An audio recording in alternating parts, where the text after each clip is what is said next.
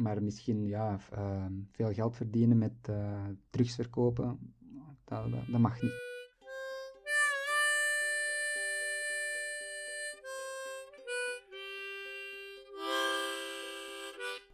Welkom bij Denk je Vrij, de podcast van twee jonge filosofen met een verschillend accent in hun taal en hun filosofie. De een is Nederlander en uit de continentale traditie, de ander Belg en van analytische overtuiging. In hun botsing komt allicht niet de absolute waarheid aan het licht, maar in het denken zijn ze vrij. Goeiedag Jens. Hoi Albin. Hoe gaat het ermee vandaag? Ja, heel goed. We hebben een, uh, een leuk, leuk uh, onderwerp voor vandaag. En we gaan het een beetje ja, debatteren. Hè? Yes, we gaan het dus hebben over kapitalisme versus communisme. Um, vandaag zet ik de kapitalistische hoed op en Jens pakt hamer en sikkel in hand. en uh, we gaan het debat aan om te kijken wat nou eigenlijk het beste systeem is. Nou, voorafgaand dat we elkaar uh, proberen uh, onderuit te halen met argumenten, gaan we eerst even kijken van wat is kapitalisme en wat is communisme nou eigenlijk. te beginnen met kapitalisme.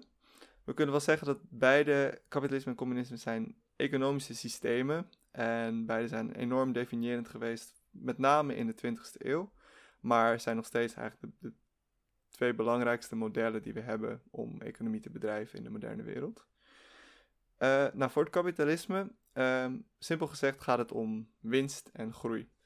Um, dus je zou kunnen zeggen dat de functie die geld heeft in een kapitalistisch systeem is eigenlijk het opleveren van meer geld. Dus herinvestering van winst is een heel belangrijk idee in het kapitalisme. Uh, ten grondslag aan het kapitalisme ligt het idee dat de productiemiddelen in de hand zijn van uh, de kapitalist, ofwel een individu of een organisatie. Dat wil dus zeggen dat uh, de staat niet de productiemiddelen in hand heeft. Dus de fabriek waar dingen geproduceerd wordt, um, is niet in handen van staat, is geen publiek eigendom, maar is privaat eigendom.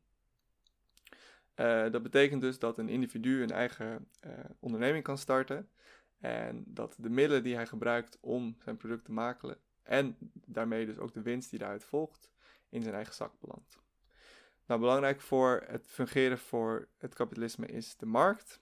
En in hoeverre de staat daar een rol speelt, um, ja, dat is afhankelijk van het vorm van kapitalisme en de vorm van politieke ideologie die daarbij wordt bedreven.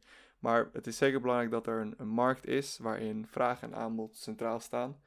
dus verschillende individuen kunnen bepaalde producten of diensten bieden. Um, Daarmee creëren ze een bepaald aanbod op de markt. En in hoeverre dan vraag is naar het aanbod, um, bepaalt dan hoe succesvol die onderneming is. In hoeverre hij in staat is winst en groei uh, op te zetten. Nou, op een vrije markt is het natuurlijk heel belangrijk dat er uh, gezonde concurrentie is. Hè? Uh, als er maar één organisatie of individu is dat een product aanbiedt, dan kan hij zoveel vragen als je wil. Maar als er dan een ander individu is die het pro product goedkoper of beter aanbiedt, dan uh, is dat goed voor de markt, omdat het iedereen stimuleert om zo hard mogelijk te werken voor een zo goed mogelijk product of dienst op de markt te brengen. Nou, omdat um, het gaat om de individuele ondernemingen, is het individualisme heel belangrijk in het kapitalisme. En vaak gaat kapitalisme hand in hand met uh, een ideologie waarin eigenbelang en de rationaliteit van het individu centraal staan. Um, wat wil zeggen dat um, het belangrijkste voor het economische systeem is het ondernemen en um, het rationeel handelen naar eigen belang van het individu. Nou, natuurlijk kan niet, iedereen een kapitaalbezitter zijn. Uh, dat betekent dus dat veel van de mensen in een kapitalistisch systeem onder loonarbeid gaan werken. Die krijgen dus een vast, uh, vaste compensatie voor hun werk en al het overschot aan winst komt in de zak van de kapitaalbezitter. Belangrijke aspecten van het kapitalisme zijn dus um, een aansporing tot risico's nemen, tot inventieve oplossingen komen, zo efficiënt mogelijk producten en diensten leveren, om zo uh, de concurrentie te snel af te zijn. Um, en voordat we dan gaan kijken naar hoe Jens het communisme gaat uh, omvatten, nog even een kort een geschiedenis van het kapitalisme. Uh, nou, zoals we hebben gezegd, is winst en groei en, en marktwerking ontzettend belangrijk voor het kapitalisme. Dus het is moeilijk om te zeggen wanneer dat nou precies begonnen is. Want in zekere zin kan je dat in elke vorm van economie wel uh, observeren. Maar uh, over het algemeen zijn we het wel over eens dat de middeleeuwen in Europa ontzettend belangrijk zijn geweest voor de vormgeving van het kapitalisme. Nou, wat je ziet is dat er in de middeleeuwen steeds meer een arbeidsverdeling of specialisatie plaatsvindt. Uh, hè, dus uh, daar waar voorheen misschien een kaasboer het hele proces van het melken tot het produceren van het kaas tot het verkopen van de kaas zelf deed, komt er nu specialisatie. Dus bijvoorbeeld Eén persoon is ontzettend goed in het melken, dus die levert de melk aan een, een, kaasproducent. Die produceert alleen de kaas en die verkoopt het weer door aan een handelaar die het naar verschillende plekken verkoopt. Verder zie je in de middeleeuwen een ontwikkeling van agrarisch naar stedelijke samenleving, wat natuurlijk handel en uh, marktwerking enkel bevordert. En uiteraard uh, de religieuze uh, verschuiving van het katholicisme naar het protestantisme. Hè, dus als je aan het katholicisme denkt, um, zit er vaak waarde aan verbonden die ehm, handel en winstoogmerk met een negatieve waarde ehm, beschrijven. Uh, neem bijvoorbeeld het, het, beeld van Jezus die de handelaren uit de kerk drijft. Met veel woede zegt hij van oké, dit is niet een plek om, om handel te drijven, dit is een plek om God te aanbieden. En plaats dat dan in contrast met Calvijn en Luther, die juist hard werk en toewijding tot arbeid prijzen als christelijke waarde. Dat is natuurlijk een belangrijke ontwikkeling die het kapitalisme um, enkel ondersteunt. Moet nog bij gezegd worden dat in de middeleeuwen uh, zaten we in het feodale systeem. Wat betekent dat elke handelaar een bepaalde verantwoording moest afleggen aan uh, de koning en de edelen. Um, dus het was nog niet echt vrijhandel. Dat komt pas echt in de 19e eeuw dat je een vrije markt krijgt. Maar het ging wel hard die kant op. Nou, aan het eind van de middeleeuwen, richting het begin van uh, de renaissance, uh, krijg je Nederland, dat misschien wel gezien kan worden als een van de eerste kapitalistische staten. Um, ja, verschillende religies konden hier, um, zo goed als dat in die tijd mogelijk was, samenleven. En de staat was niet per se gericht op het dienen van God, maar op het uh, bevorderen van handel. En dit kan je goed zien in de kunst, waar je ziet dat de waarden aan het verschuiven zijn van het uh, verheerlijken van de kerk en adel naar de ambacht. Denk bijvoorbeeld aan het Melkmeisje of andere schilderijen van Vermeer en, en, en soortgelijke kunstenaars die echt de ambacht aan het uh, verheerlijken zijn. Nou, heel belangrijk in uh, het ontwikkelen van de ideologie van het kapitalisme is Adam Smith en zijn werk Wealth of Nations. Uh, volgens Adam Smith was geld een hele goede stimulans om hard werk te stimuleren. Voor hem zelfs beter dan slavernij. Uh, en dat komt omdat mensen heel goed werken uit eigen belang. Dus die willen graag hun eigen belang behartigen. En als ze dat kunnen doen voor een mooie monetaire compensatie, dan zijn ze bereid om daar hard voor te werken. Uh, verder uh, krijg je steeds meer arbeidsverdeling. Uh, en die ziet Adam Smith als iets positiefs. En die zegt daar moeten we juist veel verder in gaan. Hè, denk bijvoorbeeld aan het maken van een hamer. Eén persoon kan misschien twee hamers per dag maken als hij ze helemaal van begin tot einde moet produceren. Maar als deze werker zich specialiseert in het maken van enkel het handvat en een andere werker in het samenvoegen van het handvat, et cetera, uh, dan kan je veel, veel meer hamers op één dag produceren, wat de efficiëntie produceert, waardoor je meer winst kan maken, et cetera, et cetera. Een belangrijk concept van Adam Smith is ook die invisible hand. En het komt erop neer dat uh, volgens de invisible hand kunnen we door ons eigen belang na te streven uh, ook het groepsbelang behartigen. Dus wat het beste is voor de samenleving, uh, behartigen wij door ons eigen belang na te streven. Uh, ja, je kan bijvoorbeeld denken aan uh, iemand die aanleg heeft tot tandarts worden. Die is erg medisch ingesteld. Die, uh, die heeft aanleg tot, tot het werken met, met tanden. En tegelijkertijd hebben andere mensen natuurlijk een goede tandarts nodig. Dus um, daar je eigen belang behartigen, je eigen kunnen te, te verwerkelijken in diensten en producten. Daarmee dien je um, het groepsbelang, omdat je daarmee diensten en producten aanbiedt die uh, de samenleving nodig heeft. Daarna komen natuurlijk ook, uh, komt er steeds meer aandacht voor de donkere zijde van het kapitalisme. En dit zie je met name tijdens de industrialisering in de 19e eeuw. Um, ja, je hebt bijvoorbeeld de, de Londense of de Engelse denkers zoals Dickens en Ruskin. Um, je ziet bijvoorbeeld dat productie van, van veel goederen hand in hand gaat met kindarbeid. Ehm, het zijn natuurlijk ontzettend goedkope werkers, wat de winst uh, enkel ten goede komt. En tegelijkertijd zie je dat er ontzettend veel armoede en ongezondheid is in het kapitalistische systeem. Um, ja, Ruskin, een andere belangrijke denker, die niet zozeer de productie van het kapitalisme bekritiseert, maar ook de consumptie. dus opeens hebben we allemaal verlangens naar producten die we eigenlijk helemaal niet nodig hebben en lopen we dingen te kopen die eigenlijk totaal geen functie dienen in ons leven. Nou, je zou voor beide deze elementen kunnen zeggen dat is enkel erger geworden. nu is er geen kinderarbeid, maar zijn er arme mensen in arme landen die keihard moeten werken om onze producten te maken.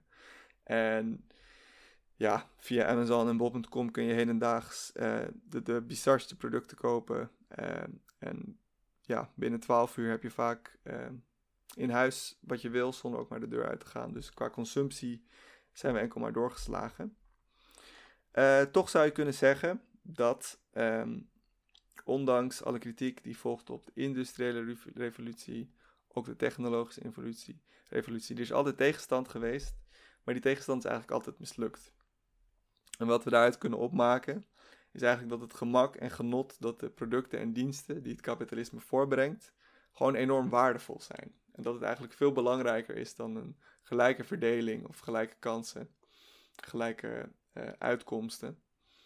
En bovendien dat uh, als we zouden gaan voor een gelijke verdeling en niet uh, de marktwerking zijn gang laten, laten gaan, dan zou er ook gewoon veel minder zijn om te verdelen. Omdat die stimulans tot productie ontzettend belangrijk is. En dat eigen belang, dat werkt gewoon ontzettend goed om inventieve en innovatieve manieren te vinden om met problemen op te gaan en om de vraag in de markt zo goed mogelijk te vervullen. Dus de concurrentie in de marktwerking van vraag en aanbod is ontzettend belangrijk om de wensen van mensen zo goed en zo efficiënt mogelijk te vervullen.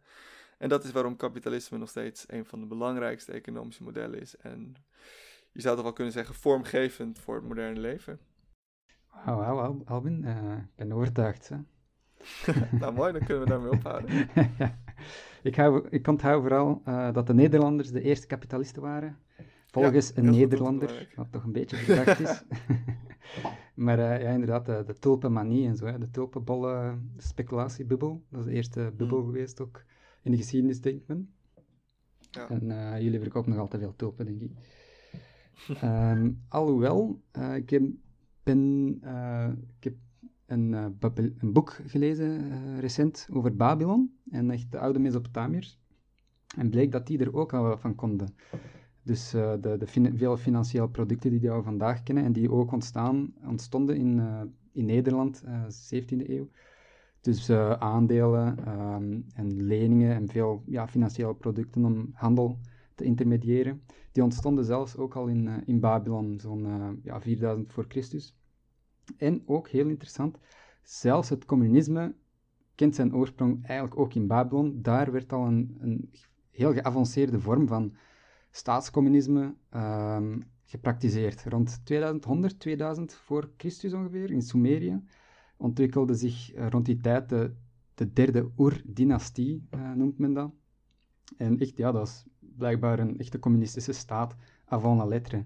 Waar dus een, een heel grote administratie, en, en daarom weten we dat, die hebben al die kleitabletten geschreven en die, die, die hebben we allemaal gewonnen, dus we konden er allemaal uit afleiden.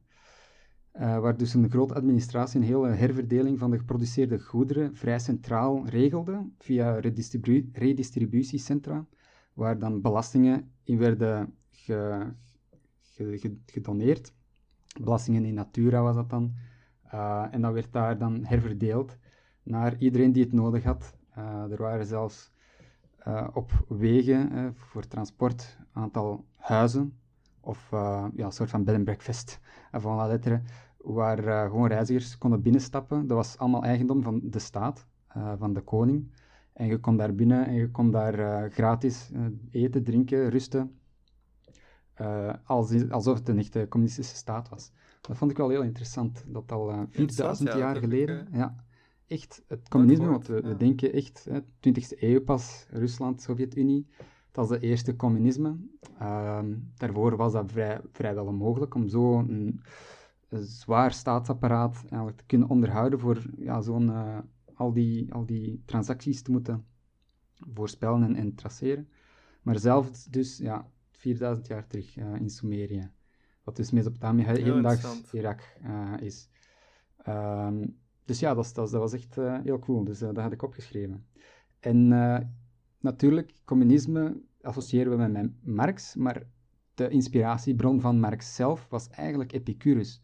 En dus de Helleense filosoof rond 400 voor Christus, die een aantal communes heeft opgericht die heel populair zijn geworden in de Helleense wereld van die tijd, in alle kolonies van, de, van Griekenland. Uh, en dat, was, ja, dat waren dus communes, ja, kleine zelfvoorzienende gemeenschappen uh, over, heel, Griekenland. en net zoals de, de kibbutzim in Israël, misschien kennen dat, waar dus ook ja, zelfvoorzienende communes werden opgericht. Maar dat is altijd heel kleine schaal. En Marx heeft dan eigenlijk een proefschrift, proefschrift geschreven over Epicurus. En die communes van Epicurus, dat was zijn ideaal.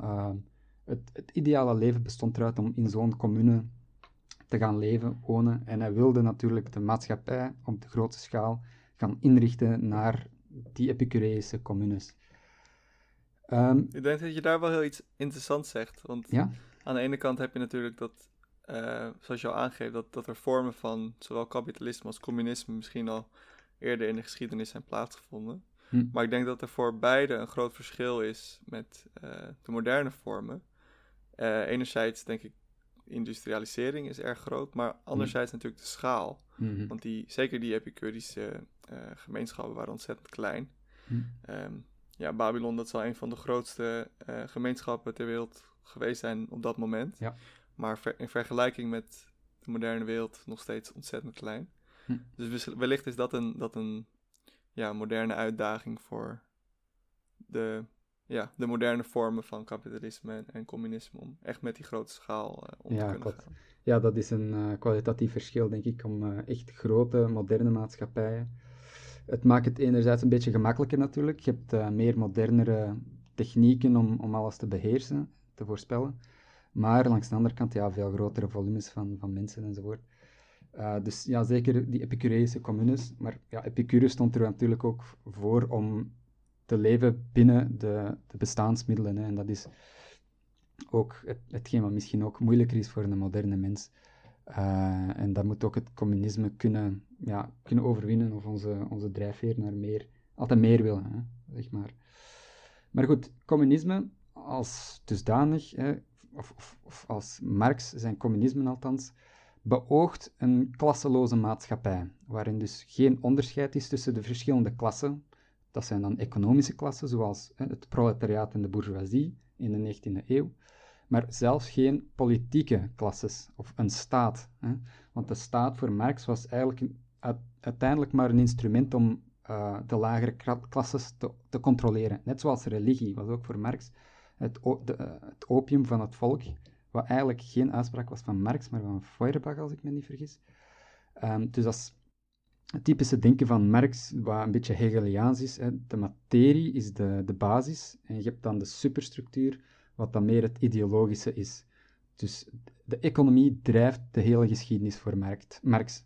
Ehm, en dan de superstructuur, de ideologieën, um, de religie, dat is eigenlijk om uitsluitend de, de, het klas, de klasses, de heersende klassen, te bestendigen tegenover de, uh, de lagere klasses. Um, en dan, ja, communisme, dat kennen we natuurlijk allemaal wel van het dat, van het idee dat eigendom collectief zou moeten zijn. Hè. Maar omdat er geen staat zou mogen zijn in de uiteindelijke communistische samenleving, is dat allemaal wel een beetje moeilijk om te begrijpen waar juist, of wat, de, wat die, die term collectiviteit eigenlijk inhoudt. Maar als ik dan toch een eigen definitie zou moeten geven voor communisme, zou ik zeggen, ja, collectivisering van productiemiddelen. Zoals jij al zei, um, in het kapitalisme is eigendom privaat, uh, kapitaal, machines, land enzovoort, dat is allemaal private eigendom. Je kunt daarmee naar de markt en verhandelen. Uh, in een communistische samenleving is dat collectief. Uh, het land, niemand bezit land. Het land wordt uitgeleend via de staat. Of machines zijn ook eigendom van de staat. En arbeiders gebruiken dat om van alle goederen te produceren die ook eigendom zijn van de staat, maar die dan worden omdat de staat dan eigenlijk gelijk staat met het collectief in, gewoonlijk, is het van iedereen, om het zo te zeggen. Nu, enkel productiemiddelen, productie, dus niet consumptie, want in het communisme blijven nog wel gelimiteerde markten aanwezig. Je kunt nog altijd wel kiezen wat je koopt met je salaris. Dus het is niet dat iedereen per se moet eten wat dat de staat u voorschrijft. Je kunt nog wel uh, een, een, deel kiezen, maar de productie is dus wel voornamelijk in handen van de staat. Um, maar goed, om het samen te vatten, Marx stond dus voor gelijkheid. Hè. Ehm, we associëren kapitalisme vaak met vrijheid. Marx stond meer voor gelijkheid. Gelijkheid op sociaal, economisch en politiek niveau. We hebben vandaag het liberalisme, politieke gelijkheid. Iedereen heeft één stem. Maar sociaal en economisch uh, is die gelijkheid vaak uh, toch niet zo um, duidelijk. Hè. Economisch zeker niet. De ene verdient al meer dan de andere, dus er is ongelijkheid op economisch vlak. En Marx, communisme, streeft naar ook gelijkheid op economisch vlak en daarmee ook op sociaal vlak in een klasseloze maatschappij. Dus voilà. Uh, ik denk de dobbelstenen zijn geworpen. Uh, het debat moet uh, niet meer loskomen. ja. Ja, ik denk dat het mooie om, om mee te beginnen is dat je hebt, je hebt het over gelijkheid. Hm. Um, en ik denk dat dat inderdaad een belangrijk speerpunt is voor zowel kapitalisme en communisme. Wat is nou gelijkheid en hoe kunnen we dat het beste verwerkelijken? Um, ik denk dat wat voor de kapitalist gelijkheid is, um, ja, iets heel anders betekent dan wat het voor de communist betekent. Hm. Um, ik denk dat, dat de kapitalist het vooral heeft over gelijkheid van kansen. dus iedereen moet een mogelijkheid hebben om zichzelf als individu zoveel mogelijk te verwerkelijken op de markt. Ehm, maar omdat iedereen ongelijke vaardigheden heeft, gaat dat ongelijkheid creëren. Maar dat wil nog niet zeggen dat dat oneerlijk is. Een bepaalde vorm van ongelijkheid uh, is juist de, meest eerlijke vorm van samenleving die we kunnen hebben. Uh, omdat sommige mensen gewoon betere ideeën voor ondernemingen hebben dan anderen. En het zou ontzettend cru zijn om juist die kleine groep individuen die in staat is tot ongeëvenaarde ontwikkelingen uh, tegen te houden, alleen omdat een, een, de meerderheid daar niet toe in staat is. We moeten juist een, de samenleving op zo'n manier inrichten dat die kleine groep individuen, die wel in staat is tot het ontwerp van een smartphone of het ontwikkelen van een elektrische auto, zoveel mogelijk gestimuleerd wordt en ondersteund wordt, om, om die uh, ontwikkelingen zelf in te zetten, zodat de rest van de samenleving daar weer profijt van kan hebben. Vandaar dat ongelijkheid en eerlijkheid eigenlijk hand in hand gaan. Ja, goed, uh, Alvin, klinkt goed in theorie en zo, maar als we naar de praktijk kijken, dan zie ik toch iets anders. Uh, neem nu eigenlijk eh, het ongelijkheid, economische ongelijkheid. Dat is namelijk een interne contradictie aan het kapitalisme, dat ongelijkheid steeds zich vergroot. Eens er een kleine hoeveelheid ongelijkheid is, zal ongelijkheid steeds groeien, totdat het eigenlijk buiten proportie uh, toeneemt. Want geld brengt meer geld op via rente. Dat is eigenlijk uh, het winstbejag, dat is centraal aan het kapitalisme. Het groei, kapitaal produceert meer kapitaal en exponentieel. Dus als je meer kapitaal hebt, gaat je nog meer krijgen enzovoort. Dus de rijken worden rijker en de armen blijven arm. Piketty, uh, Thomas Piketty maakte die analyse ook nog, vrij recent. En hij zei concreet, wanneer het rendement van kapitaal hoger is, dan de groei van de economie in het algemeen, dan gaat ongelijkheid uh, sowieso toenemen. Dus, uh, en dat leidt dan alweer tot een klassenmaatschappij natuurlijk, omdat ja, je hebt heel, de heel rijken die exponentieel rijker worden en heel veel armen die dat uh, onmogelijk, zelfs mochten ze heel veel talent hebben, nooit rijk zouden kunnen worden of, of heel lage kansen hebben. Ten eerste, dat is ten eerste. Ten tweede, die economische ongelijkheid, daar valt iets voor te zeggen in theorie dan, maar dat gaat automatisch ook andere vormen van gelijkheid aantasten, politieke gelijkheid bijvoorbeeld. En dat zien we heel duidelijk in Amerika. Enorm veel geld gaat naar die presidentsverkiezingen en dat maakt dat de heel erg rijke uh, bedrijven en, en, personen kunnen het beleid verder in, beïnvloeden, wat dus maakt dat ze meer, uh, meer als één stem hebben. Ze zijn veel machtiger omdat ze rijker zijn. Dus dat gaat al die andere gelijkheden ook corrumperen. En dat, dat vind ik uh, als overtuigd communist een interne contradictie van het kapitalisme. En, en kijk ook bijvoorbeeld naar de hele rijke, het hele rijke oude geld. Hè. Geld dat al eeuwenlang in handen is van dezelfde familie, dat gewoon renteniert. Dus dat zijn geen uh, ongelooflijk innoverende mensen die daar hun geld verdienen. Nee, dat is gewoon rente en ze zijn rijk omdat, ze, omdat uw voorouders rijk zijn geweest.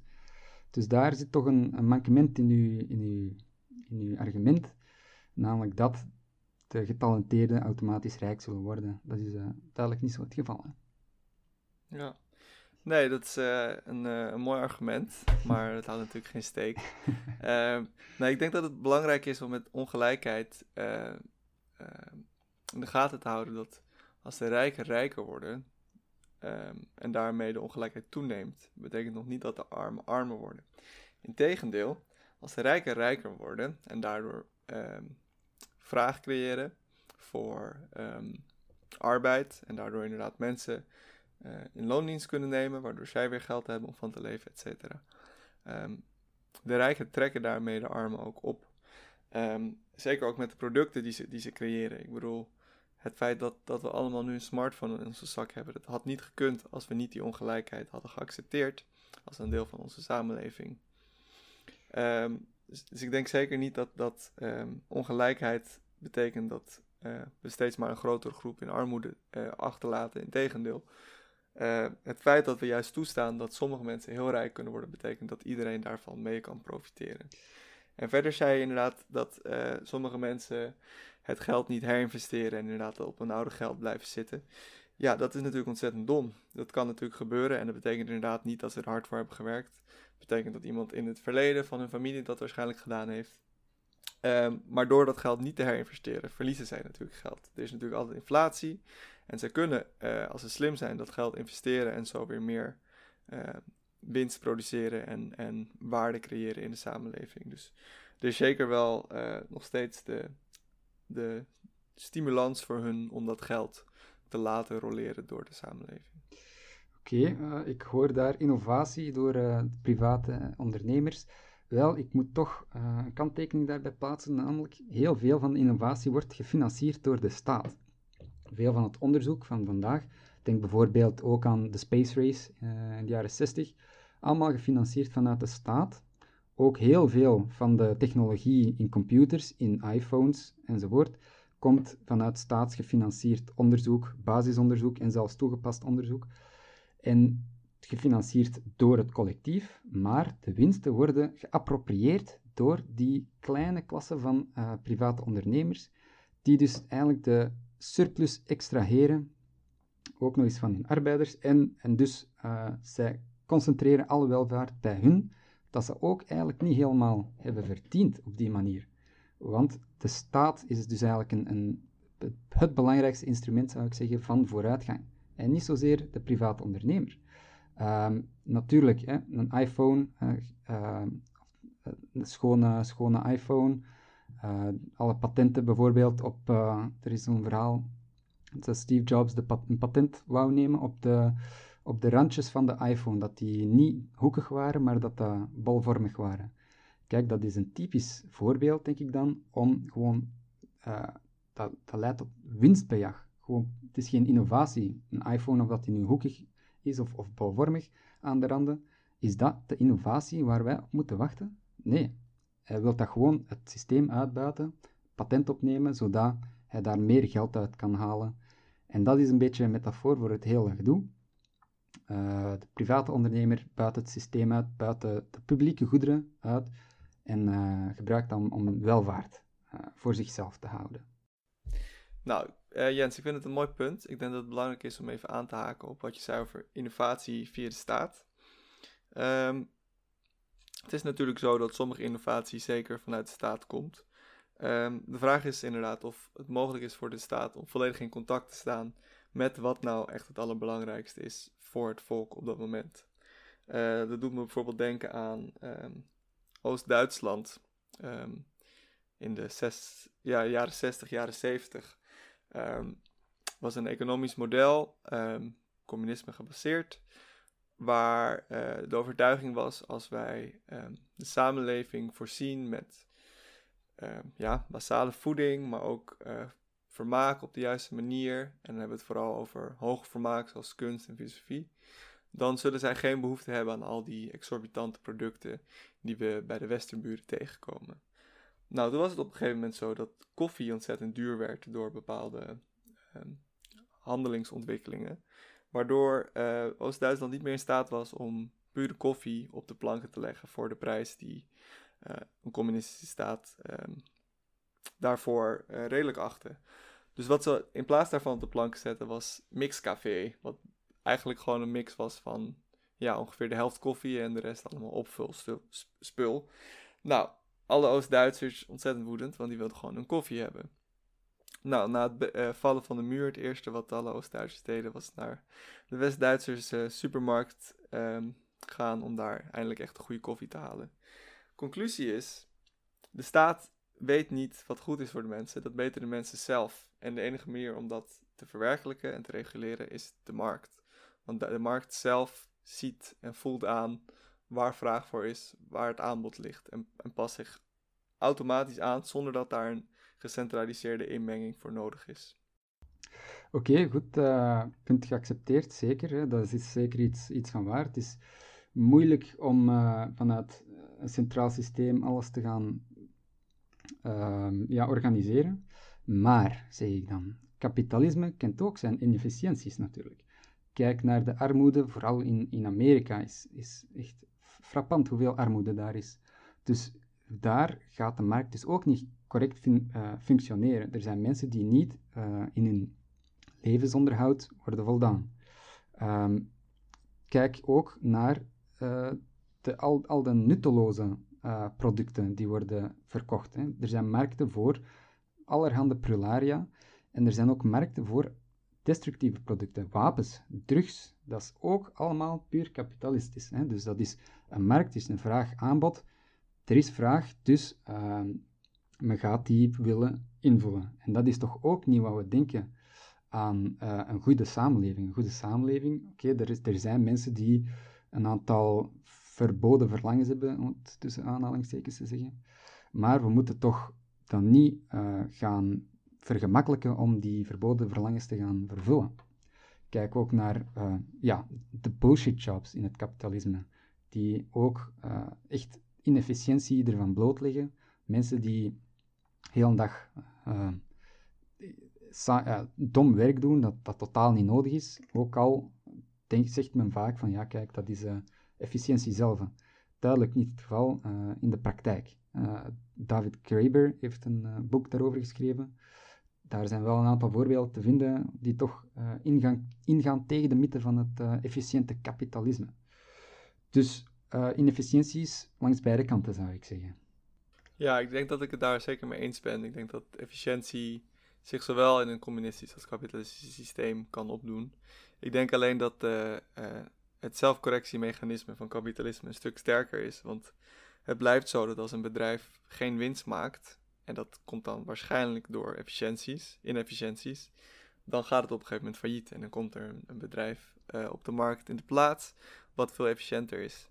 Uh, terwijl een staat kan decennia lang inefficiënt blijven, alleen omdat het bepaalde morele overtuigingen heeft die gewoon totaal haak staan op wat de markt uh, nodig heeft op dat moment. Ja, zwaar, maar ook heel die cyclus van uh, leven, overleven, een soort van natuurlijke of economische selectie van bedrijven. Daar gaat ook heel veel verspilling mee gepaard. Hè. Niet alleen van uh, producten, en het gaat ook heel veel verspilling van mensenlevens. Hè. Dus, dus je hebt een job en je bedrijf gaat failliet, je staat op de straat. Enorm veel, uh, er, is, is onderzoek naar gedaan, je aantal levensjaren dalen significant als je op de straat komt te staan, zeker naarmate je ouder wordt. Dus het is allemaal niet zo uh, roze geur en maneschijn, die efficiëntie van het kapitalisme. Er zijn wel ook kanttekens bij te plaatsen. Ehm, dus, dus de veiligheid van een communistisch systeem dat altijd in je levensonderhoud zal voorzien. Ja, soms heb je misschien uh, geen koffie, maar je zult niet uh, op straat sterven. Je zult wel... Uh, ja, goed. Gewoonlijk, normaal gezien zou je niet mogen sterven. Eh, in zo'n systeem dat toch wel in de basisbehoeften zou moeten voorzien. Ja. Nee, je zegt het inderdaad heel mooi normaal gesproken, of zou moeten. Dat wil natuurlijk al zeggen dat de echte uitdrukking van het communisme vaak te niet doen. Daar kunnen we misschien nog wat meer over zeggen. Maar ik denk wat ook wel mooi is om aan te kaarten, is dat inderdaad, in, ieder geval in theorie, um, voldoet het communisme aan de basisbehoeftes. Hè? Dus je hoeft je niet zorgen te maken om zorg, om werk, om, om huisvesting, dergelijke dingen. Dus ja, de, de staat zorgt voor je. Maar aan de andere kant zou je natuurlijk kunnen zeggen dat het kapitalisme uh, juist heel erg de vrijheid van het individu probeert te beschermen. Hè? Dus echt in het kapitalisme heb je je eigen lot in handen. Als je maar hard genoeg werkt, goede ideeën of diensten of producten de wereld inbrengt, die een toegevoegde waarde hebben, waar andere mensen echt iets aan hebben, dan word je daar automatisch voor beloond. Dus je bent voor je eigen lot verantwoordelijk je moet er zelf voor zorgen dat je een plek vindt in de wereld. En dat is gewoon een manier van de samenleving inrichten die het beste uit mensen voort, voortbrengt. En dat is iets wat je in het communisme niet ziet. Juist omdat je die sociale vangnet en al die zekerheid hebt, is er niet die stimulans van: oké, ik moet voor mezelf zorgen, ik moet iets bijdragen aan de samenleving. Nee, je krijgt bepaalde verwachtingen van de samenleving. Die moeten voor mij zijn. Ik hoef er niks voor hun terug te doen. En dat is een problematische manier van denken. Ja, het is, het is wel, we verstaan onder vrijheid natuurlijk. In een kapitalistisch systeem is dat eigenlijk uitsluitend economische vrijheid. Kunnen kopen en produceren wat je wilt, oké, maar dat is volgens mij niet de volledige vrijheid. Uh, dat is één. Twee, er zijn, dat is alweer een theoretisch uh, idee, want in praktijk zijn er natuurlijk altijd heel veel monopolieën, oligopolieën, die nieuwkomers vaak gewoon uit de markt duwen of zelfs niet toestaan om in de markt te treden omdat zij dus uh, subversief omgaan bij hun prijzen en zo, dus eigenlijk macht hebben over, over nieuwkomers. Dus ook daar kanttekening bij plaatsen. Nu, inderdaad, economische vrijheid, je kunt niet zomaar doen wat je wilt, of, of althans, het communisme, denk ik, steunt meer op intrinsieke motivatie in plaats van veel geld verdienen. En ik denk dat dat op zich wel een mooi, een mooi idee is. Hè. Ehm, in, in wetenschap bijvoorbeeld, in het communisme, was, was, waren zeker heel veel goede wetenschappers. En dat is iets typisch dat misschien meer drijft op intrinsieke motivatie. Ehm, dus dat is, die, die paden zijn open voor de mensen. Hè. Uh, heel slimme mensen kunnen gewoon in de universiteiten nadenken over wat ze willen. Uh, en die vrijheid bestaat zeker wel. Het is gewoon de vrijheid om, geen, om heel veel geld te verdienen en dus veel welvaart bijeen te sprokkelen. Is dat, is dat echt een vrijheid? Of is vrijheid eerder iets van uw passies, uw idealen verwezenlijken? Uh, en dat is misschien ja, een boek schrijven, mag prima in het communisme. Um, maar misschien ja, uh, veel geld verdienen met uh, drugs verkopen, dat, dat, mag niet. Dus vrijheid, ja, het is, het is wat we erover verstaan. Ja, daarop zou je misschien kunnen reageren dat die vrijheid van, van economie en van handelen, hoewel dat uh, in, in eerst opzicht uh, een, een oppervlakkige vrijheid is, is dat de vrijheid die toegang geeft tot de andere vrijheden. Hè, dus uh, ik kan mijn eigen belang behartigen door inderdaad een, een, een boek te schrijven. Maar uh, als ik al van tevoren weet dat er totaal geen vraag is naar een dergelijk boek, dan heeft het voor mij ook heel weinig zin om een dergelijk boek te schrijven.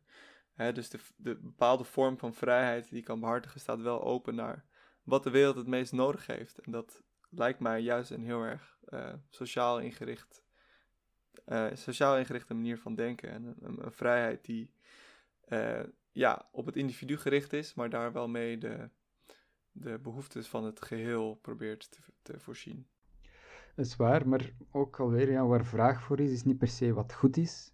En het is dus een beetje het relativisme van de markt. Wat goed verkoopt is goed, maar dat is eigenlijk een verwarring tussen goed in de economische zin, mensen willen er iets voor betalen, en goed in de morele zin. Misschien is het boek dat jij wilt schrijven wel echt gewoon goed en mensen dienen dat te lezen, maar het verkoopt niet, omdat ja, een moeilijke boodschap overbrengen, uh, dat zal niet goed verkopen. Maar, moet het... maar wie bepaalt dan wat moreel goed is, als het niet de markt is? Klopt, het, het collectief uh, zou dat bepalen. Maar is dat niet de markt, het collectief? Um, ja, dat is een goed, uh, goed punt. Ik zou zeggen nee. Want de markt steunt heel erg op het individu, hè, dus dat is de individualisering van, uh, van de maatschappij. En het collectief, er is een, een onderwijs, bijvoorbeeld, is iets, is iets collectief. We bepalen collectief wat we aan onze kinderen gaan onderwijzen. En dat is ook niet, ja, wie bepaalt dat? Wel, ja, dat is een, een democratisch bestuur bepaalt, oké, dit, is, uh, dit is wat we onze kinderen willen meegeven. En dus dat is niet, want individueel, hè, uh, daar gelden geen sociale normen. Op het collectief niveau wel. Dus en we kunnen wel stellen dat moraliteit en sociale normen zijn heel erg aan elkaar verwant. Uh, uh, een tuttefrit op de straat gooien, dat gaat in tegen sociale norm. Dus men gaat dat niet doen. Dus dat is immoreel, om het uh, cru te stellen. Um, maar ja, als je een individu bent, er is geen collectief, niemand kijkt bijvoorbeeld, je loopt helemaal alleen op straat, wel ja, dan, dan is er minder uh, angst om, om zoiets te doen. Dus de markt maakt onze duistere verlangens misschien makkelijker los. Uh, in die zin, maar ja, het is moeilijk, ja. Uh, wie zegt wat goed is? Dat is volgens mij een, collectief proces. Uh, we doen dat vandaag altijd bij elke democratische verkiezing. Dat kan verkeerd gaan, maar normaal gezien, ja, daar moeten we op vertrouwen, denk ik. Hm. Ja, ik denk dat dat een belangrijk uh, knelpunt is uh, voor de vergelijking tussen kapitalisme en communisme. Want wie bepaalt nou eigenlijk wat het, wat het goede is? Um, en ik denk dat de kleinste eenheid van, van zelfbeschikking en autonomie en ja, morele, uh, moreel inzicht toch altijd het individu is. En ik denk als je het um, ja, zo klein mogelijk maakt, dat, dat je um, ja, dingen zoals samenscholing en indoctrinatie zoveel mogelijk tegengaat. Vooral omdat je juist het individu stimuleert zelf zijn eigen morele waarden te vormgeven en niet uh, ja, ideeën over te nemen die de maatschappij of, of de staat zelf al wil behartigen. Um, en juist inderdaad die, die eigen rationele zelfreflectie en um, zin van eigenbelang uh, hoog in het vaandel houdt, waardoor ja, dat soort, dat soort ja, verharding van morele waarden tegen wordt gegaan. En ja, daar, blijft natuurlijk inderdaad dat je dan misschien wel ontwikkelingen krijgt die vanuit bepaalde perspectieven immoreel zijn. Uh, maar als dat is wat, wat de markt wil, dan is dat wat de markt wil. er, valt iets voor te zeggen, hè? zeker een, een soort van individualisme tot op zekere hoogte. Maar het kapitalisme, denk ik, beloont toch wel echt een soort roekeloos individualisme, ook egoïsme. Het is, het is uh, veel, er wordt veel van hun, uh, of beloont hebzucht, bedrog zelfs, decadentie. Dus ik denk dat de, de incentieven die kapitalisme geeft aan individuen, aan mensen, te ver doorgedreven zijn. Um, en dus uh, collectief, het, want, want als enkel het individu bestaat, dan is uh, mijn vrijheid, mijn vrijheid is de ander zijn onvrijheid. Dus ehm, in die zin moeten we altijd ook het collectief in, in, de, in de gaten houden. En te ver doorgedreven individualisme, wat dus de anonieme markten eigenlijk belonen, heeft ook zijn problemen. Maar ja, daar komen we een beetje naar elkaar toe. Ja. ja, ik denk dat het daar ook belangrijk is om het verschil tussen liberalisme en, en kapitalisme in mhm. de gaten te houden. dus zoals we aan het begin al zeiden, ik denk dat kapitalisme in, in de meest minimale vorm is echt alleen het privaat eigendom van de productiemiddelen. dus daar waarbij kapitalisme grondbezit en bezit van fabrieken, et cetera, uh, in de handen ligt van uh, het individu, is dat bij communisme in handen van de staat. Nou, ideeën zoals vooruitgang en eigenbelang, uh, dat zie je echt in het liberalisme voorkomen. Dus dat is zeg maar de politieke of ideologische... Um, filosofie of zo. Ja, filosofie die vaak hand in hand gaat met kapitalisme, maar ook niet per se bij kapitalisme mhm. hoort. Um, en al helemaal het idee dat er geen inmenging moet komen van de staat, dat zie je eigenlijk pas in het neoliberalisme komen. Mhm. Dus dat is echt een moderne vorm van die politieke ideologie. Um, die in het Westen eh, zeker in, uh, denk ik, Amerika en Groot-Brittannië, uh, met neoliberalisme en kapitalisme gaat dat heel goed samen. Maar je zou bijvoorbeeld kunnen zeggen dat het, de meest succesvolle ehm, kapitalistische ontwikkelingen zich nu in China voordoen, wat natuurlijk een communistische staat is. Hè, um, er zijn gewoon individuen die daar ontzettend succesvolle bedrijven hebben ontwikkeld, die ontzettend veel winst maken en er is ontzettend veel economische groei. Maar het is een e-, enorm um, onliberaal systeem. Hmm. Dus kapitalisme en liberalisme, hoewel die vaak in het Westen samengaan, uh, is dat ook zeker niet um, een, een, noodzakelijke verbinding.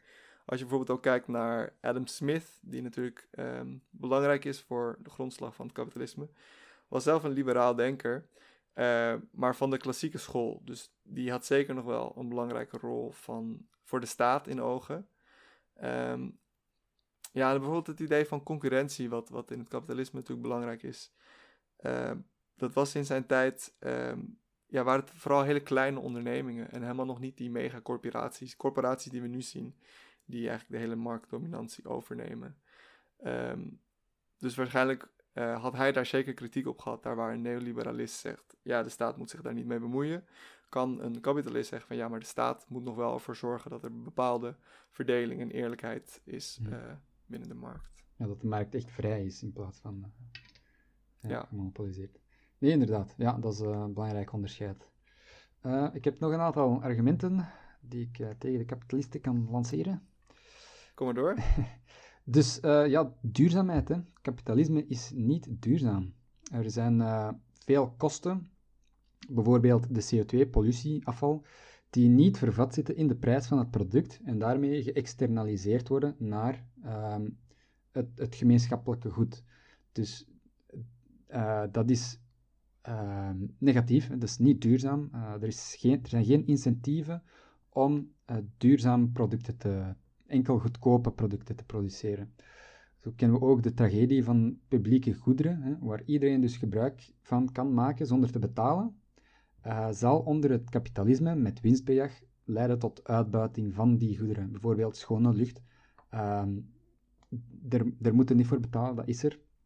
Maar als iedereen, als individu, al te verstaan, daar gebruik van kan maken, heeft niemand eigenlijk incentief om, daar, uh, ja, om dat te beschermen.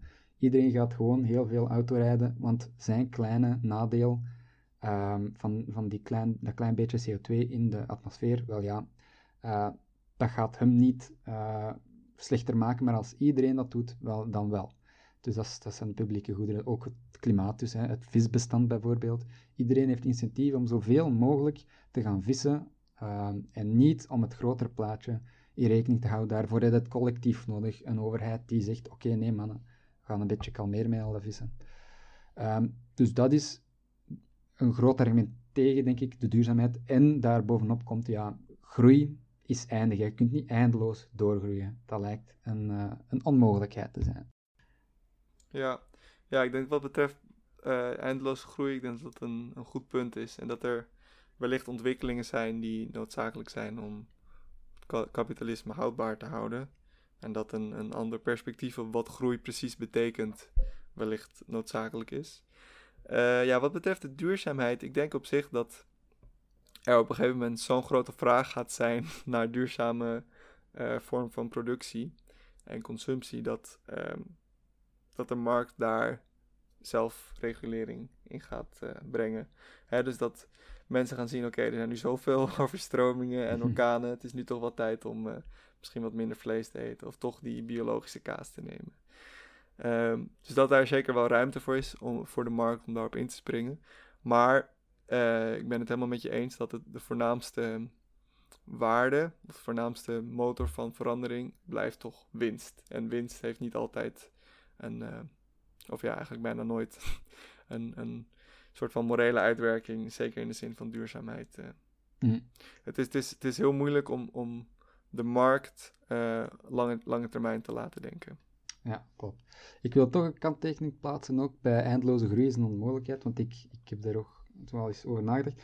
Maar ik zou denken dat dat theoretisch is dat eigenlijk wel mogelijk. Want een product hmm. is, kun je aanzien als bestaande uit materie en ja, Aristoteles kunnen we zeggen vorm of informatie. En natuurlijk, je kunt niet altijd meer materie produceren en nog meer producten, dingen produceren, maar je kunt wel, volgens mij, eindeloos veel uh, de informatie-inhoud van een product gaan um, ja, vermenigvuldigen. Bijvoorbeeld het design van een product. Je kunt nog iets nog beter designen en dan kun je meer daarvoor vragen. En je moet dat ook produceren. Je hebt mensen nodig om dat te, te, te designen, om een beter design uh, te, te, maken. En daar moeten dan ook mensen voor betalen. En dat kun je ook op een markt eigenlijk uh, concurrentie tussen verschillende producten met beter of slechter design. Ik denk ook uh, bijvoorbeeld aan algoritmes. Algoritmes op zich, dat is pure informatie, maar je kunt nog altijd veel je kunt een markt bedenken die dat over, en die zijn er natuurlijk ook, nog betere algoritmes bedenken. En daar is eigenlijk geen materie voor nodig. Dus groei in algoritme-markten, zo, zo te zeggen, is, is eigenlijk ook oneindig. Uh, je kunt ook altijd beter wetenschap, beter materie maken, dus betere kwaliteit van uh, de materie, die dat dan ook duurzamer kan zijn en, enzovoort. Beter design, duurzamer, uh, meer kwaliteit, eh, kwalitatief, dus sterker. Of, ja. Dus in die trend denk ik dat eindeloze groei, het is niet theoretisch onmogelijk. Ik denk dat theoretisch wel, wel mogelijk is, maar ja, in de praktijk is iets anders. Ja. ja, volgens mij wordt het onder voorstanders van het kapitalisme creatieve vernietiging genoemd. Het idee dat je de manieren van, van produceren steeds moet vernieuwen. Dat er constant vernieuwing en innovatie moet zijn om die groei te kunnen handhaven. Ja, inderdaad. Ja. Uh, dus je moet constant nieuwe manieren vinden om te produceren. Ja, innoveren. Dat is in de hoogtechnologische economie is, is, draait alles rond innoveren, innoveren, innoveren. Het is niet productie, want dat, gaat, dat is uitgesourced naar uh, ontwikkelingslanden. Het is gewoon nieuw, beter, innovatie. Dus in die zin, ja, zo gaan nog. Um, ja, als jij nog... Uh, ik heb nog een hoop tegenargumenten, hoor. Um, ja, kom maar door. Oké, ja, ik ben er klaar uh, voor.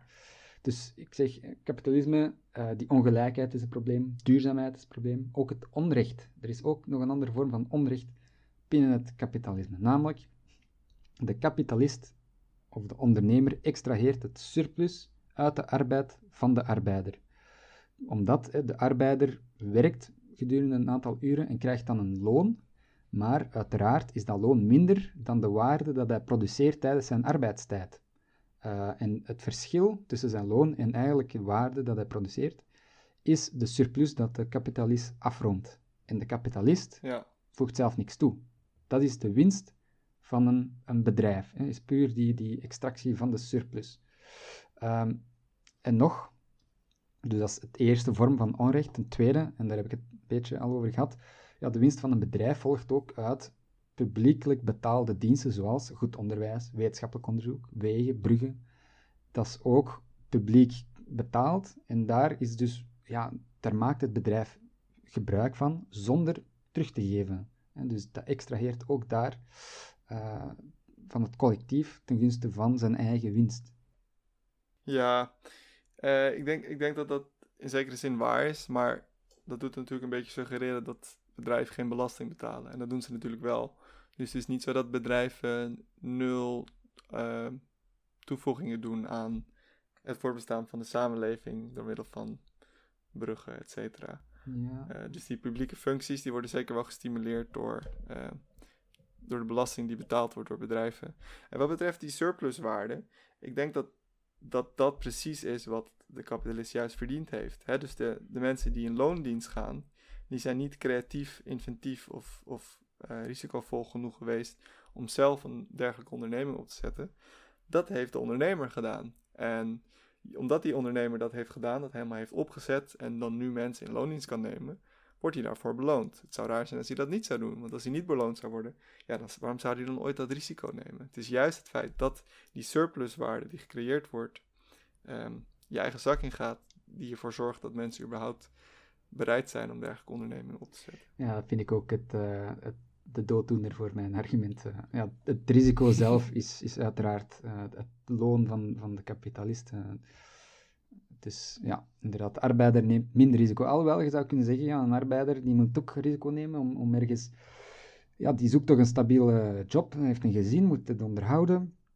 Ehm, ja, dat is, dat is ook veel risico om bij iemand aan de slag te gaan. Een bedrijf dat dan eigenlijk de volgende dag failliet zou kunnen gaan. En dan staat hij op straat, kinderen krijgen geen eten. Toch ook een beetje. Wat vind je van uh, syndicalisme als oplossing? Ja, dus dat is uh, wat ik een beetje aanhaalde met uh, Richard Wolff. Ja, zo'n uh, worker self-directed enterprises. Ja, dat, dat is wel een heel interessant concept. Ja, dus inderdaad dat het bedrijf um, eigendom is van elke werknemer die ervoor werkt. Ja, inderdaad. Maar er, er, dat is, ja, ik heb, er zijn toch wel moeilijkheden mee, want hoe krijg je dan investeringen van ja, andere kapitaalkrachtige individuen. Je kunt moeilijk eigenlijk ja, schaalvergroting doen als het allemaal uit de zak moet komen van de arbeiders. Ehm, dus ik, ik weet niet zo goed uh, of dat, dat echt ja, op grote schaal toepasbaar is. Nee, ik denk dat het inderdaad op grote schaal heel moeilijk is. Er zijn wel wat bedrijven die daar mm voorbeelden van zijn. Er is volgens mij bijvoorbeeld een, een supermarktketen in, in Engeland die uh, op die manier werkt. Maar waar het eigenlijk op neerkomt is dat mensen die vakken vullen uh, ja, een heel klein aandeel hebben. En misschien bij sommige beslissingen om een mening wordt gevraagd. Maar er eigenlijk helemaal geen interesse hebben om, om daarin in mee te doen. Want die willen gewoon mm, een loon. net als elke andere kapitalistische uh, werker in loondienst. Um, dus het is een beetje het morele idee van ja, iedereen um, kan, kan bijdragen aan de ontwikkeling van het bedrijf als ze maar inzegging hebben. Maar ik denk dat heel veel mensen daar ook gewoon geen interesse in hebben. Dus dat je nog steeds die verticale vorm van organisatie nodig gaat hebben die een groot bedrijf uh, in stand houdt. Ja, inderdaad. Uh, maar het is wel iets, iets heel interessants. Ik weet ook, in Spanje is er een heel groot bedrijf, echt een heel groot, dat ook zo is georganiseerd. Um, dat, dat, dat stamt nog af vanuit die, uh, de Spaanse communes in de jaren 30 tegen Franco. Ah, zo. Ja. Daar was dat ook heel erg levendig, zo dat syndicalisme. Um, en dat stamt daar nog uit af. En, en, dus het kan wel succesvol zijn, maar ja, ik vraag mij af toch hoe dat het uh, juist functioneert met investeringen en zodanig. Uh, dus ja, ja maar uh, er is nog te weinig mee geëxperimenteerd, denk ik, om dat op grootschaal te weten, te begrijpen wat dat, dat ja, als nu elke corporatie zoiets zou zijn, ja, dan zijn de dynamieken weer helemaal anders natuurlijk. Dus. Oké, ja, we hebben nu een beetje, denk ik, verschillende elementen van kapitalisme en communisme uitgelicht. Um, ik denk dat eigenlijk beide systemen wel bepaalde elementen hebben waarvan je zegt, nou dat, dat lijkt me een, een, een kracht, maar er zijn zeker ook zwaktes in beide systemen. Um, zijn ze volledig um, wederzijds uitsluitend? Of, of denk je dat er een bepaalde vorm is van combinatie, waardoor je de, de krachten van beide kan bundelen? Ik heb, ik heb het gevoel dat um, elke grote organisatie kent inefficiënties. Dus of dat nu een gigantisch bedrijf is, of een, een grote ja, een overheid, een, regie, een, een staat. Eh, je hebt altijd het idee van overheden zijn inefficiënt. Wel, grote bedrijven zijn ook inefficiënt. Dus ik denk, zo klein, maar ja, dat, dat is dan weer een, een afruil tussen efficiëntie van een bedrijf, van een onderneming, een organisatie, en de schaal die nodig is voor iets heel groot te gaan verwe te verwezenlijken. Dus dat is denk ik waar ze beide op kapot gaan. Uh, heel grote organisaties hmm. kennen inefficiënties, corruptie en daar gaat gewoon heel veel leed mee gepaard. Ik denk dat dat het misschien wel een, een van de kernproblemen is uh, ja, van de maatschappij, toekoer. Dus is, is decentralisering dan een oplossing? Ja, decentralisering. Ja, misschien wel. Maar uh, ja, dat, dat, kent, ja, het, is, uh, het is moeilijk om... Er moet altijd wel een soort van centralisatie zijn, maar ja, inderdaad, ik denk dat dat misschien wel beter is. Hm. Uw mening, uh, zijn ja. ze, misschien komen ze, ja... De, de uitersten komen vaak ergens toch te samen, hè? Ja, nou, ik denk op zich dat socialisme een redelijk goede concessie hm. is. Um, uh, je, hebt, je hebt natuurlijk marktwerking, um, je hebt uh, privaat eigendom van de productiemiddelen, maar je hebt wel uh, sterke belasting voor mensen die grootverdieners zijn. Wat betekent dat je een sociaal vangnet kan opzetten voor hmm. zorg, voor woning, et cetera. Wat ervoor zorgt dat zelfs de mensen die, ja, om maar cru te zeggen, misschieten in het kapitalistische experiment, toch zich, zich veilig kunnen voelen in de samenleving en, en niet uh, totaal verwaarloosd hm. worden. Maar je nog steeds ruimte laat voor bepaalde ondernemingen om uh, ja, grote groeien en, en ja, innovatieve ontwikkelingen op te zetten. Ja, vind ik ook. Ja. Echt, de, de Europese sociale markteconomie is volgens mij het, het, veruit te verkiezen boven het Amerikaanse systeem of, of het Chinese systeem, uiteraard. Um, ja. Ik vind dat ook, ja. Um, altijd wegblijven van uitersten en gewoon mooi het middenpad kiezen. Nee, mijn ja. levensmotto. Waar natuurlijk het probleem van, van globaal, globale ongelijkheid um, pertinent blijft. Hm. Hè, het feit dat, dat wij nog steeds goedkope producten hebben om te consumeren, komt nog steeds omdat er ontzettend veel armoede is in andere landen, waardoor het beste wat ze eigenlijk kunnen doen om geld te verdienen is 16 uur per dag in een fabriek werken om, om troep te maken die wij dan kunnen kopen. Um, maar of dat is iets, iets is wat wij met een economisch systeem ehm, op een nationaal niveau kunnen oplossen. Ik weet het niet. Het is zo'n enorm ingewikkeld probleem. Ja, inderdaad. Dat, uh, dat ik niet weet of een, of, een, of een shift naar volledig communisme daar überhaupt een uh, positieve impact op zou hebben. Ja, ja. ja inderdaad. Het is ook het, uh, het geval met zo'n grote, complexe systemen. het is gemakkelijk om simplistische theoriekjes te geloven die daar mooi klinken, om dan meteen maar met een gewelddadige revolutie in te stellen. En dat geldt voor het communisme, maar evenzeer voor ja, libertaire eh, kapitalisme, de, de Austrian School. Die hebben zo allemaal theoriekjes over de efficiëntie van de markt enzovoort. En dan, je, je ziet vaak als die argumenteren, is dat zo in dezelfde stijl als communisten. Want alles wat verkeerd gaat met de samenleving, is dan het per definitie bijna de schuld van de overheid. En alles wat goed gaat in de samenleving, is per definitie, ten, ten, komt door, door de private sector. Ja, ja. En dus zo, uh, ik, hoor soms die mannen argumenteren en uh, het is zo doorzichtig. Uh, soms in, in dezelfde zin kunnen hun eigen contradictie, kunnen dan een contradictie vinden. Ja, ik denk wat betreft die, die noodzaak van bloedige revolutie. Um, het is natuurlijk wel vaak zo geweest in de geschiedenis dat in, in hoeverre de ongelijkheid toenam, hoe meer een soort van de honger was om, om de rijken van de troon te, te slaan. Um, ja, als je het hebt inderdaad over het creëren van surpluswaarde, ik denk dat het op, op zekere hoogte waar is. Maar als je bijvoorbeeld kijkt naar wat een Jeff Bezos verdient, ja, daar moet een, mm. een, een minimumloonpersoon ja. 60.000 jaar voor werken wat hij in een, in een, in een maand verdient, weet je wel. surplus extractie. Zoveel surpluswaarde heeft hij nou ook nee, weer niet geproduceerd, weet je wel. Zo, ja. Dat is heel erg, ja, inderdaad. Ja, als 50% van, van de welvaart in handen is van zes bedrijven, dan gaan toch ook wel een beetje de grondbeginselen van kapitalisme uh, rommelen. van, is er dan nog wel echt concurrentie of is er dan gewoon een kartel ontstaan? Ehm, wat, wat eigenlijk de, de principes van het kapitalisme totaal ondermijnt. Ja, inderdaad. En, en die politieke klasse met de economische sterke klasse, die gaat zich vaak ook uh, ja, alliëren en uh, het hele systeem onderuit halen op die manier. Uh, maar dat is ja, alweer, communisme kun je net hetzelfde zeggen. Het politieke klasse gaat dan weer een systeem opzetten, een economisch systeem dat, dat, dat de onderklasse uitbuit. Je hebt altijd ongelijkheid dat uiteindelijk ja, genereert en dan... en ja. Het perfecte systeem is er niet, denk ik. Nee, precies. Maar ik vraag me dus inderdaad wel af hoe, hoe lang dat nog houdbaar is. Dat die enorme corporaties al die welvaart voor zichzelf houden. Terwijl er zoveel werknemers zijn die gewoon op minimumloon mm proberen te overleven. Ik denk dat op een gegeven moment gaat die, de, ja, het ongemak zo groot worden dat dat niet meer geaccepteerd wordt. En de vraag is of er dan een interne uh, aanpassing van kapitalisme kan zijn die genoeg is om, die, om dat ongemak uh, weg te nemen of dat er inderdaad echt een vorm van revolutie komt. Ja. En dan komt er waarschijnlijk iets nieuws. Ik denk niet dat we dan terug gaan vallen op, op een soort van industriële vorm van communisme of zo. Mhm. Ik denk dat er dan een, een nieuw systeem komt. Ja, inderdaad. Uh, wat we nu nog ons waarschijnlijk niet echt kunnen voorstellen. Ik, ik zou gokken op zo'n data-gedreven systeem. Dat data is denk ik het enige wat de marktwerking zou kunnen uh, innemen, of de functie van de markt. Dus ja, informatie is heel belangrijk en, en data, ja. Uh, ja. Eens de horen dus overvloed ons bereikt, dan kan via data eigenlijk uh, efficiëntie worden gekomen. Maar speculeren. Ja.